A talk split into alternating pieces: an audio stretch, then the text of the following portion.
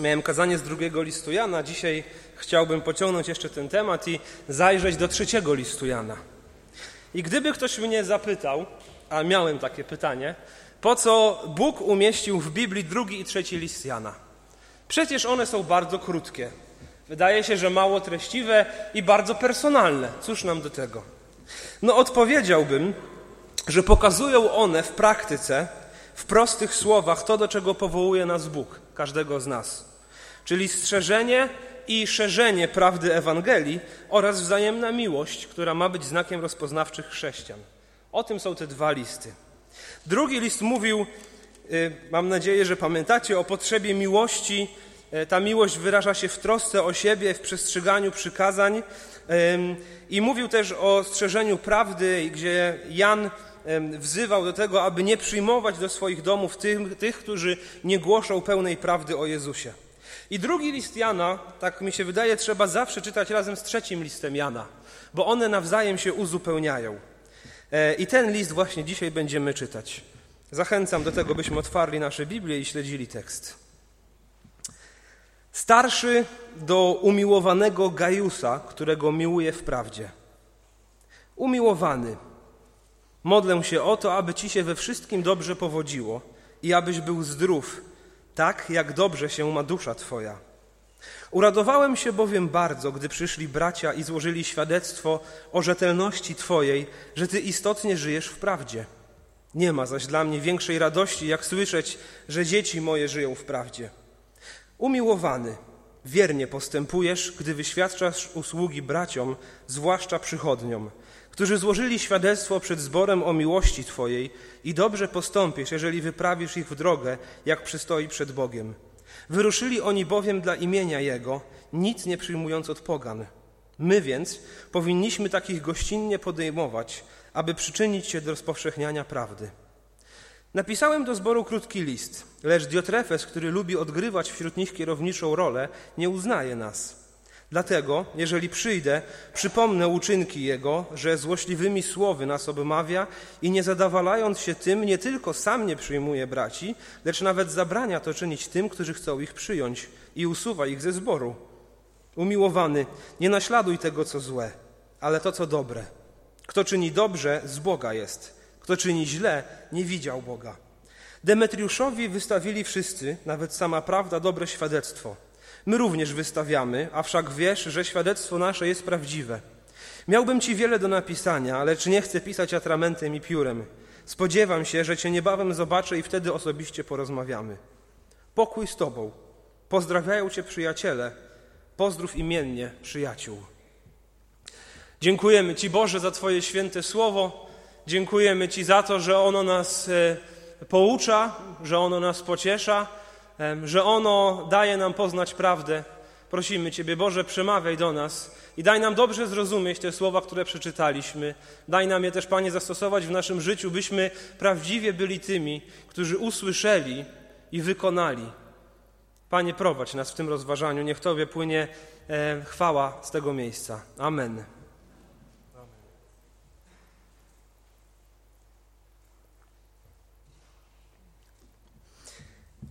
Pierwszy werset mówi nam o adresacie e, i o nadawcy tego listu. Tak jak w drugim liście Jana zaczyna się od słowa starszy. To pisze starszy do umiłowanego Gajusa. Więc starszy, tak jak mówiliśmy poprzednio, to e, tytuł, nie, rang, nie mowa o wieku. E, można by to przetłumaczyć jako prezbiter albo na przykład pastor, czyli ktoś odpowiedzialny w kościele na przykład za nauczanie. Starszy pisze do umiłowanego Gajusa.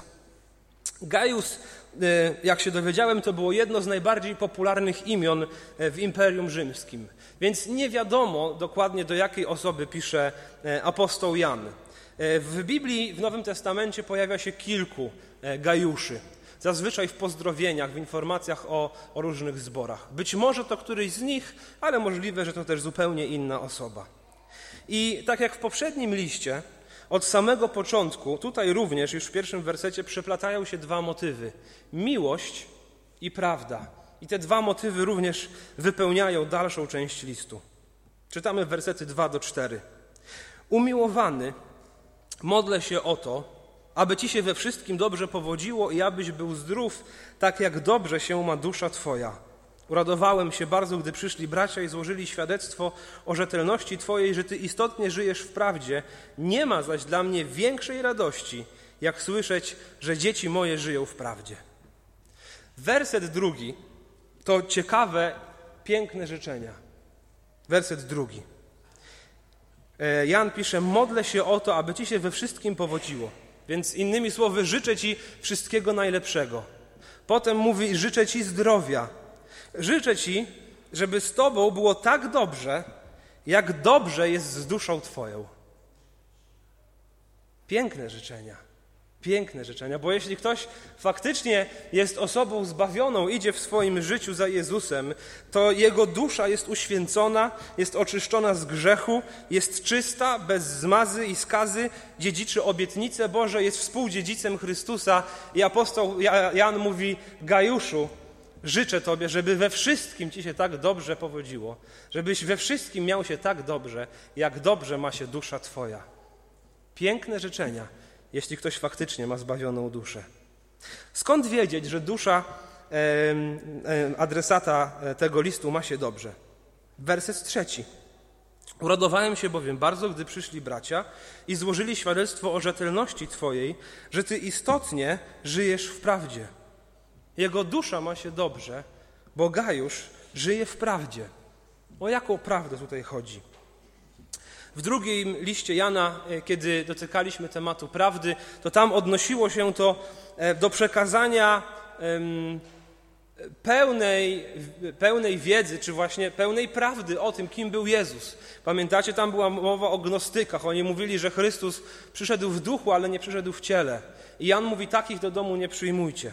Więc myślę, że prawda jak Jezus sam o sobie mówi, ja jestem droga i prawda i życie, kiedy mówi Gajuszu, powiedziano mi, że żyjesz w prawdzie, odnosi się do Jezusa. Gajuszu, powiedziano mi, że Ty trwasz w Jezusie Chrystusie, że Ty jesteś blisko Jezusa Chrystusa, że trwasz w Ewangelii. Jak pisze też apostoł Paweł w liście do Filipian, dla mnie życiem jest Chrystus. Jeśli Gajusz żyje w prawdzie, to znaczy, że on żyje w Chrystusie. Żyć w prawdzie to żyć dla Bożej chwały, żyć dla chwały Chrystusa. I kiedy tak się dzieje, to inni to widzą i mogą o tym zaświadczyć. Widzą, że taki człowiek jest inny, że ma inne priorytety, że ma inny charakter, że innych słów używa, że ma inne cele w życiu, że inaczej się zachowuje niż wszyscy inni. On żyje w Jezusie. I inni mogą o tym zaświadczyć, tak jak zaświadczyli o Gajuszu. Tę wieść przekazali bracia, widząc jego rzetelność, widząc owoce w życiu Gajusza. I myślę, że tutaj też warto zatrzymać się na, jeszcze na moment. Kiedy Biblia mówi o prawdzie, to nie czyni tego tak, jak robi to dzisiejsza postmodernistyczna kultura. Żyjemy w takich czasach, gdzie prawda jest relatywna. W kulturze oczywiście gdzie każdy może mieć swoją prawdę. I nawet słyszy się czasami takie zdania: Ty masz swoją prawdę, a ja mam swoją prawdę. Albo ważne, że dla ciebie jest to prawdziwe. Cóż to w ogóle znaczy? Jak to jedna osoba ma prawdę i druga osoba ma prawdę, chociaż one nawzajem się e, sobie zaprzeczają i wykluczają się wzajemnie? Niesamowite, ale dzisiaj tak jest. Nie o takiej prawdzie mówi Biblia. W Biblii znajdujemy prawdę obiektywną, nie arbitralną. Nie istnieje coś takiego jak prawda względna. Prawda albo jest prawdą, albo nią nie jest. Jeśli Jezus mówi o sobie: Ja jestem droga i prawda i życie, to albo wszystko, co mówi Jezus, jest prawdziwe, albo jeśli znajdziemy chociaż jedną rzecz, która nie jest prawdziwa, wszystko należy odrzucić.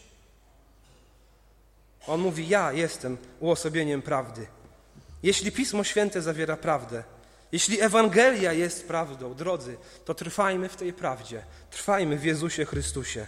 Ludzie, którzy wierzyli prawdzie Pisma Świętego, byli gotowi zmienić swoje życie dla tej prawdy i zmieniali świat dla tej prawdy. Tacy ludzie jak na przykład William Tyndale, on przetłumaczył e, Biblię na język angielski w czasach reformacji, przetłumaczył ją na język angielski, zaczął ją drukować, aby ona dotarła do każdego domu. Wiedział, że to było zakazane i że grozi za to kara śmierci. I zginął. Został zabity przez kata. Został uduszony. Ale prawda dla niego była tak ważna, że był gotowy poświęcić dla niej swoje życie, aby Słowo Boże dotarło pod strzechy. Jak William Wilberforce, o nim mówiłem e, dwa lata temu mniej więcej, który poświęcił całe swoje życie na to, aby jako bogobojny chrześcijanin walczyć z niewolnictwem. Bo wiedział, że Bogu się to nie podoba, że każdy człowiek jest równy przed Bogiem.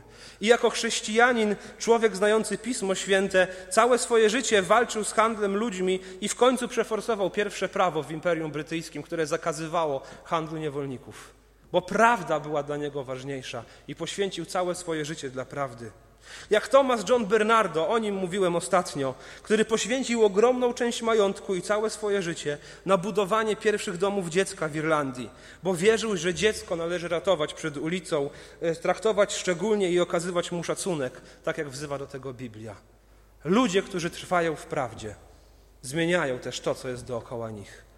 Sami zostają zmienieni ale zmieniają też to, co dookoła nich. Drodzy, trwajmy w prawdzie. Kultura może mówić, że prawda jest relatywna. To nie jest, tak nie jest. To nie jest stan faktyczny. To nieprawda. Prawda jest obiektywna. Jezus mówi: Ja jestem prawdą. Chodź za mną, a będziesz żył w prawdzie. Trzymajmy się tej prawdy. Jak ktoś mądry powiedział, lepiej być spoliczkowanym przez prawdę, niż być pocałowanym przez kłamstwo. Lepiej być spoliczkowanym przez prawdę, kiedy ona jest trudna, kiedy ciężko z nią żyć, kiedy e, trwanie w niej może bycie, oznacza bycie kontrkulturowym. Lepiej być spoliczkowanym przez prawdę, niż pocałowanym przez kłamstwo. Bądźmy ludźmi prawdy, a szczególnie strzeżmy prawdy Ewangelii. Bo jak pisze Jan w wersecie czwartym, nie ma zaś dla mnie większej radości, jak słyszeć, że dzieci moje żyją w prawdzie. Nie ma dla mnie większej radości, jak słyszeć, że dzieci moje żyją w prawdzie.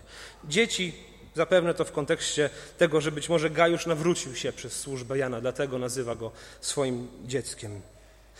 Razem z pastorem Markiem w ostatnim tygodniu spędziliśmy trochę czasu na tym, aby rozmawiać o naszym zborze, o tym, co działa dobrze, co dobrze funkcjonuje, z czego jesteśmy zadowoleni, a co chcielibyśmy zmieniać. I e, to dopiero zaczęliśmy te spotkania. E, chcemy dosyć dużo czasu poświęcić na rozmowy o zborze.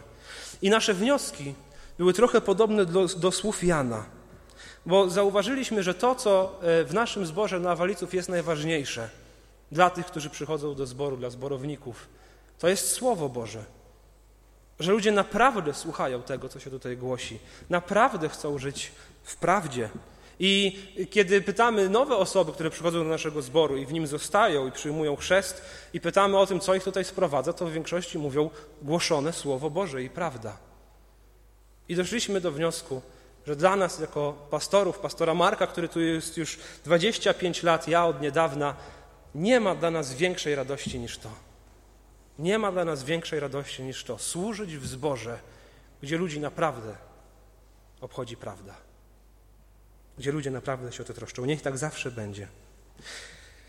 Dowiadujemy się jeszcze trochę więcej o Gajuszu, wersety 5 do 8. Umiłowany, wiernie postępujesz, gdy wyświadczasz usługi braciom, zwłaszcza przychodniom, którzy złożyli świadectwo przed zborem o miłości Twojej. I dobrze postąpisz, jeżeli wyprawisz ich w drogę, jak przystoi przed Bogiem.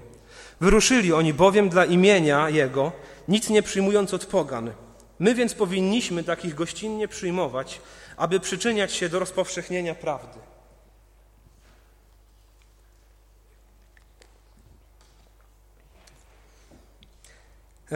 Chrześcijaństwo pod koniec I wieku i w II wieku bardzo dobrze się rozwijało. I brakowało rąk do pracy. Powstawały nowe zbory, i w tych zborach zgromadzało się coraz więcej ludzi, ale mało było osób takich, które mogłyby tam właśnie wykładać prawdę które powiedziałyby o tym, jak się rzeczy mają. Więc patrząc na ten fragment, też dochodzimy do tego wniosku i mówi o tym historia.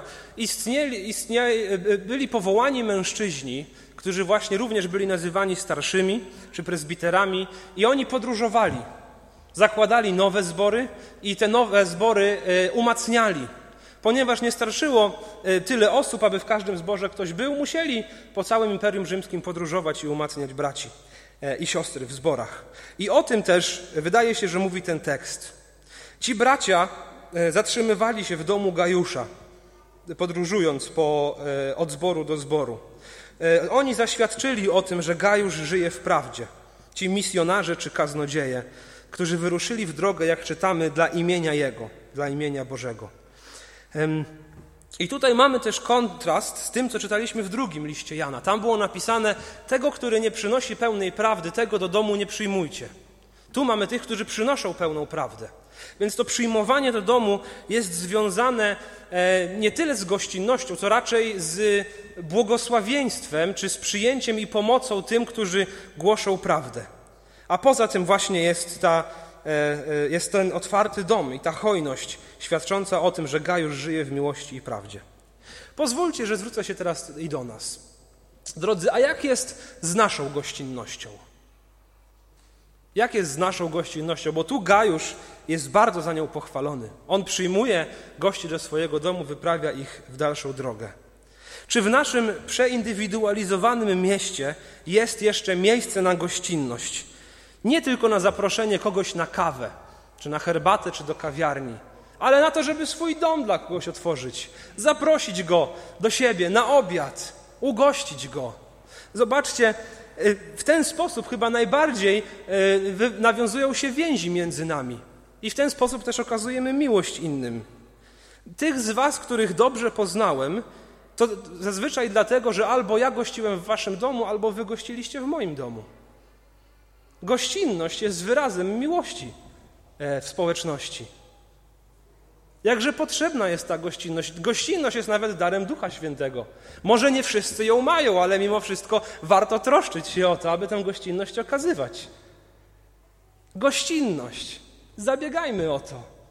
Naprawdę, to buduje dobre, zdrowe relacje między nami. Często yy, to był drugi wniosek, do, do którego doszliśmy z pastorem Markiem, że jeden z największych minusów naszego zboru jest taki, że kiedy przychodzą nowe osoby, to rzadko kto wychodzi, aby się z nimi przywitać albo się, aby się o te osoby zatroszczyć. Że często jest tak, że to my, jako e, e, pastorzy, czy też inni liderzy, kiedy stoimy gdzieś tam z przodu i witamy się z ludźmi, to widzimy, że, że przyszła jakaś nowa osoba, e, nikt z nią nie porozmawiał przed, nikt z nią nie porozmawiał po, więc sami gdzieś tam mówimy: Słuchaj, czy mógłbyś porozmawiać z tą osobą? Gościn, to jest, myślę, że wyraz gościnności, czy też takiego wyczucia trochę duszpasterskiego. Bądźmy na to wyczuleni. Zabiegajmy o to, by okazywać gościnność. Naszym zborownikom, naszym braciom i siostrom zapraszajmy siebie do naszych domów, ale też troszczmy się o tych, którzy są po raz pierwszy. Dostrzegajmy ich i okazujmy miłość. Z drugiej strony też widzimy, że tu jest mowa, więc to, czego możemy się nauczyć od Gajusza, to gościnność na pewno. I dalej też zobaczcie, że on troszczy się o misjonarzy, o kaznodziejów, którzy wyruszyli w drogę dla imienia Bożego. Nie wszyscy mają dar ewangelizacji. Nie wszyscy mają dar nauczania. Nie wszyscy są misjonarzami, kaznodziejami, nauczycielami. E, ale tutaj czytamy o tym, by wspierać takie osoby, by zachęcać i okazywać gościnność. Jak jest z nami? Czy faktycznie modlimy się o, o rozwój misji na świecie? o szerzeniu Ewangelii. Bo wydaje mi się, że kiedy mowa tu jest o wsparciu, nie chodzi tylko o wsparcie materialne. Czy faktycznie troszczymy się o tym, aby Ewangelia była głoszona wszędzie tam, gdzie docierają chrześcijanie?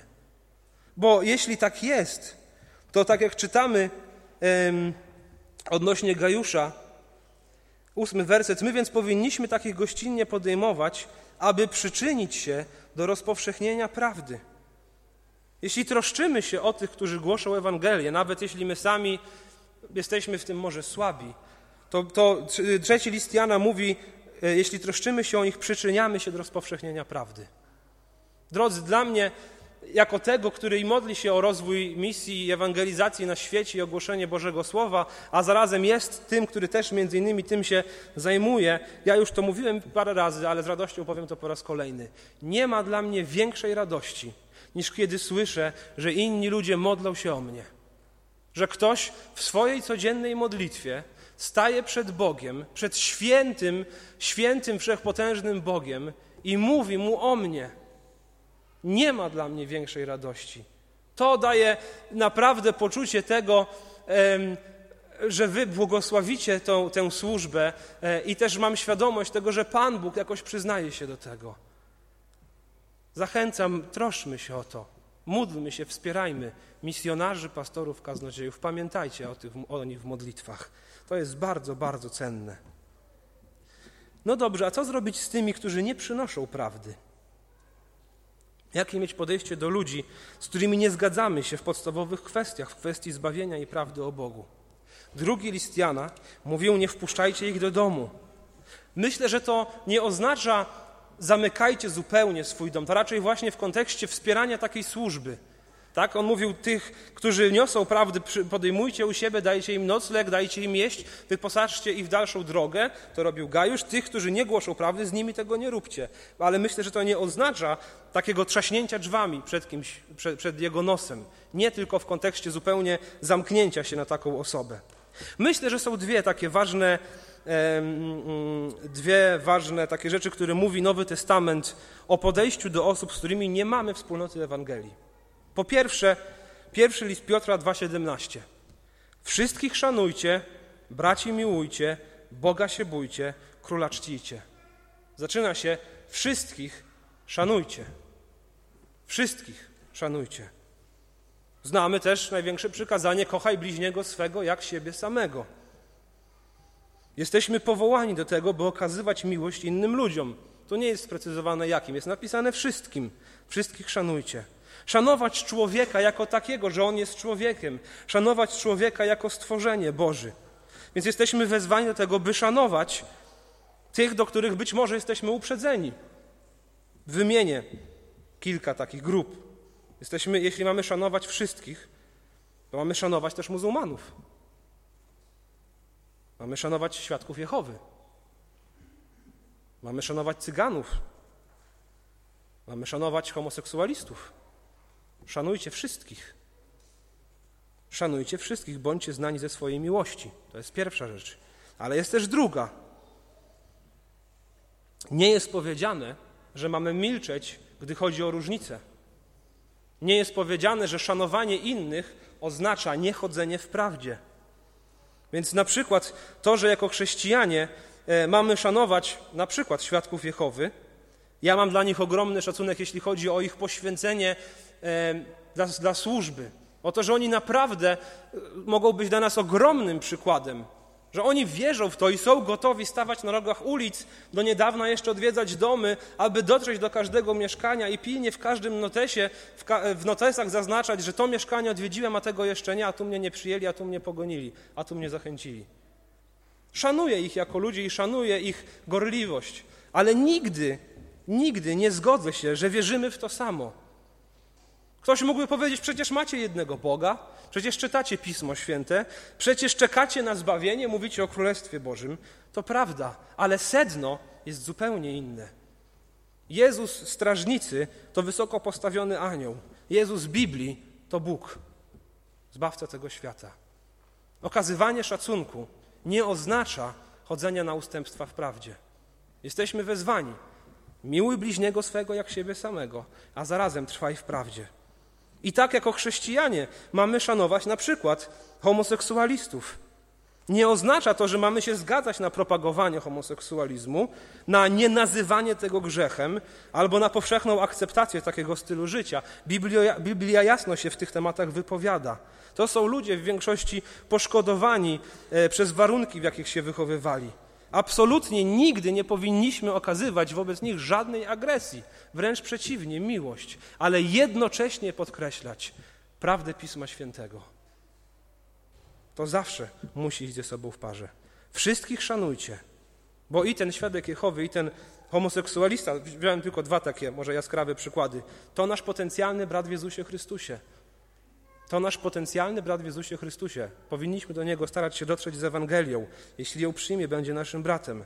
Musimy dbać o dobre relacje, ale jednocześnie być stanowczy w prawdzie.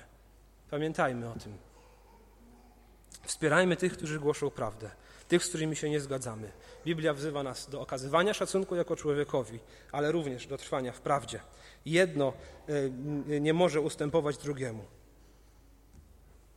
Więc Gajusz trwa w miłości i w prawdzie. Jest gościnny, troszczy się o misjonarzy, przez co przyczynia się do rozpowszechniania prawdy. A teraz druga część tego listu, w której poznajemy zgoła innego człowieka. Wersety 9 do 11. Napisałem do zboru krótki list, lecz Diotrefes, który lubi odgrywać wśród nich kierowniczą rolę, nie uznaje nas. Dlatego, jeżeli przyjdę, przypomnę uczynki Jego, że złośliwymi słowy nas obmawia i nie zadawalając się tym, nie tylko sam nie przyjmuje braci, lecz nawet zabrania to czynić tym, którzy chcą ich przyjąć i usuwa ich ze zboru. Umiłowany, nie naśladuj tego, co złe, ale to, co dobre. Kto czyni dobrze, z Boga jest, kto czyni źle, nie widział Boga. Więc możemy się domyślać, że w zborze, w którym jest Gajusz, jest też mężczyzna imieniem Diotrefes. Dowiadujemy się o nim kilku rzeczy. Po pierwsze, werset dziewiąty mówi o tym, że on lubi odgrywać kierowniczą rolę. Inne tłumaczenia mówią, rości sobie prawo do pierwszeństwa. I to niestety chyba też często zdarza się w naszych zborach, że mamy ludzi, którzy lubią odgrywać kierownicze role. No oni to po prostu lubią. To jest w nich. Oni lubią o to zabiegać, by mieć coś do powiedzenia. Lubią władzę. Ale czy w zborze rzeczywiście chodzi o władzę? Czy w zborze rzeczywiście chodzi o władzę? Absolutnie nie. Tutaj widzimy potępienie i zagrożenie tego, jeśli ktoś lubi odgrywać kierowniczą rolę, jeśli ktoś lubi sobie porządzić, bo ma swój pomysł na prowadzenie zboru, albo chciałby jakoś tam się spełnić w tym. Bo przywództwo w zborze nie wiąże się z władzą, ale wiąże się z odpowiedzialnością. Jak mówi Jakub w swoim liście, niech niewielu z was zostaje nauczycielami, bo wiedzcie, że surowszy wyrok otrzymacie. Więc on nie tylko nie zachęca do bycia nauczycielem, on zniechęca do bycia nauczycielem. Mówi, jeśli chcesz być nauczycielem, licz się z tym, że otrzymasz surowszy wyrok od Boga. Uważajmy na to, aby, aby nie weszła w nas jakieś pragnienie układania zboru pod siebie albo rządzenie, bo lubimy sobie porządzić. To absolutnie jest coś niedobrego. To, to coś, czym, na co powinniśmy uważać. To Diotrefesa pociągnęło. On lubi spełniać kierowniczą rolę. To jest coś, na co powinniśmy uważać. Po drugie, e, werset dziesiąty. Diotrefes nie uznaje apostoła Jana. Przepraszam, to końcówka dziewiątego. On nie uznaje nas, pisze apostoł Jan. Nie uznaje apostoła Jana. Tu jest prawdziwa tragedia, jeszcze większa niż ta poprzednia, bo to jest apostoł wybrany osobiście przez Jezusa Chrystusa, umiłowany uczeń Jezusa Chrystusa, który był z Jezusem na górze przemienienia, który jako jedyny z dwunastu stał pod krzyżem Chrystusowym, który prawdopodobnie jako jedyny dożył tak sędziwego wieku, inni już nie żyją, i jest Diotrefes w zborze, i on nie uznaje apostoła Jana. I on odrzuca naukę, którą głosi apostoł Jan. Jan, autor pięciu natchnionych ksiąg, które znajdują się w Biblii. Jakże to jest wielka tragedia. Być może ta woda sodowa, czy ta chęć e, bycia kierownikiem, pełnienia kierowniczej roli tak uderzyła mu do głowy, że on zaczął się nie zgadzać z czymś, co pisze apostoł Jan i zaczął go odrzucać. Jakże straszne konsekwencje będą, jeśli, ja, jeśli Diotrefes nie odwróci się od swojej drogi, na której się znajduje. Jak bardzo władza czy pycha y, może doprowadzić do jakiego złego miejsca człowieka, że on odrzuca naukę apostolską, bo ma swoją wizję dla Kościoła, ma, y, ma swoje jakieś podejście, zaczyna się rządzić i odrzuca apostoła. E, I po trzecie, to też czego się dowiadujemy o Diotrefesie, to werset dziesiąty. On obmawia apostoła Jana i jego współpracowników oraz nie okazuje gościnności i nie wspiera misjonarzy. To też bywa niestety często zauważalne w naszych zborach, że kiedy się z kimś nie, nie zgadzamy, to łatwo przychodzi obmowa. Łatwo przychodzi obmowa. A wiesz co, a ten to jest taki. A wiesz co, ten powiedział, ło, a tamten, co on wygaduje? Drodzy, uważajmy na obmowę. Uważajmy na obmowę. Bo Jan potem zachęca umiłowany, nie naśladuj tego, co złe, ale to, co dobre. Kto czyni dobrze, z Boga jest. Kto czyni źle, nie widział Boga. Te słowa można skierować również do nas. Nie naśladuj tego, co złe, ale to, co dobre. Oni byli z jednego zboru. Z jednego. Gajusz i Diotrefes. Jeden gościnny, przyjmujący misjonarzy, drugi zakazujący tego robić. Jeden pełen miłości, drugi garnący się do władzy. Jeden dbający o prawdę, drugi odrzucający apostoła Jana. Do kogo nam bliżej? Do kogo Tobie bliżej dzisiaj? Byli z jednego zboru, żyli w zupełnie inny sposób. Zmierzamy do końca. Wersety 12 i dalej. Demetriuszowi wystawili wszyscy, nawet sama prawda, dobre świadectwo. My również wystawiamy, a wszak wiesz, że świadectwo nasze jest prawdziwe. Miałbym ci wiele do napisania, lecz nie chcę pisać atramentem i piórem. Spodziewam się, że niebawem cię zobaczę i wtedy osobiście porozmawiamy.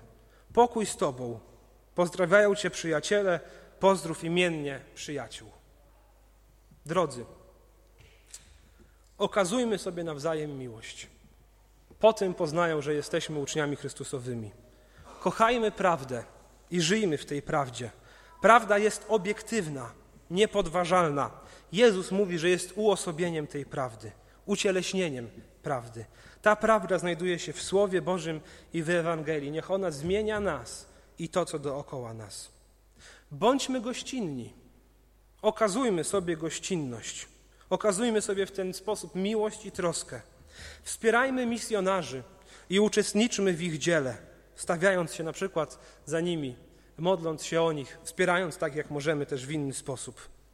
Wystrzegajmy się walki o władzę i tego, aby zbór nie stał się dla nas jakąś areną rozgrywek politycznych czy rozgrywek o władzę.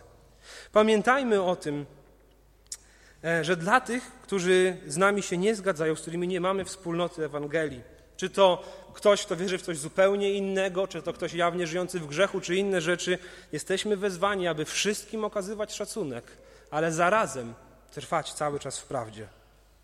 Wystrzegajmy się obmowy i stawiania przeszkód w Bożym dziele. I zastanówmy się, do kogo nam bliżej, do Gajusza czy do Diotrefesa. A przede wszystkim zabiegajmy o to, by stawać się podobnymi do Chrystusa. Dwa zastosowania myślę, że możemy z tego wyciągnąć. Takich bardzo praktyczne. Po pierwsze, zaproś do siebie do domu kogoś, kogo kojarzysz ze zboru, ale nie znasz tej osoby jeszcze. Rozejrzyjcie się po zborze. Może jest ktoś, kogo kojarzycie od jakiegoś czasu, że jest faktycznie w naszym zborze, może niedawno przyjmował chrzest, może przychodzi od jakiegoś czasu, ale nie znacie tej osoby. Zaproście ją do domu. Okazujmy sobie gościnność. A po drugie, w tym tygodniu, może w sposób szczególny i częściej niż zwykle, módl się o tych, którzy szerzą Ewangelię. Módl się o tych, którzy docierają w naszym mieście, w naszym kraju, na całym świecie z Ewangelią do innych, głoszą Słowo Boże. My powinniśmy takich gościnnie podejmować, aby przyczynić się do rozpowszechnienia prawdy. I jeszcze raz na zakończenie powiem to, co powiedziałem dwa tygodnie temu. Nad wejściem do naszej kaplicy jest napisane: Prawdę i pokój miłujcie, mówi Pan Niebios. Drodzy, niech zawsze nas to cechuje. Kochajmy prawdę Ewangelii i cechujmy się pokojem, miłością do innych ludzi. Amen. Amen.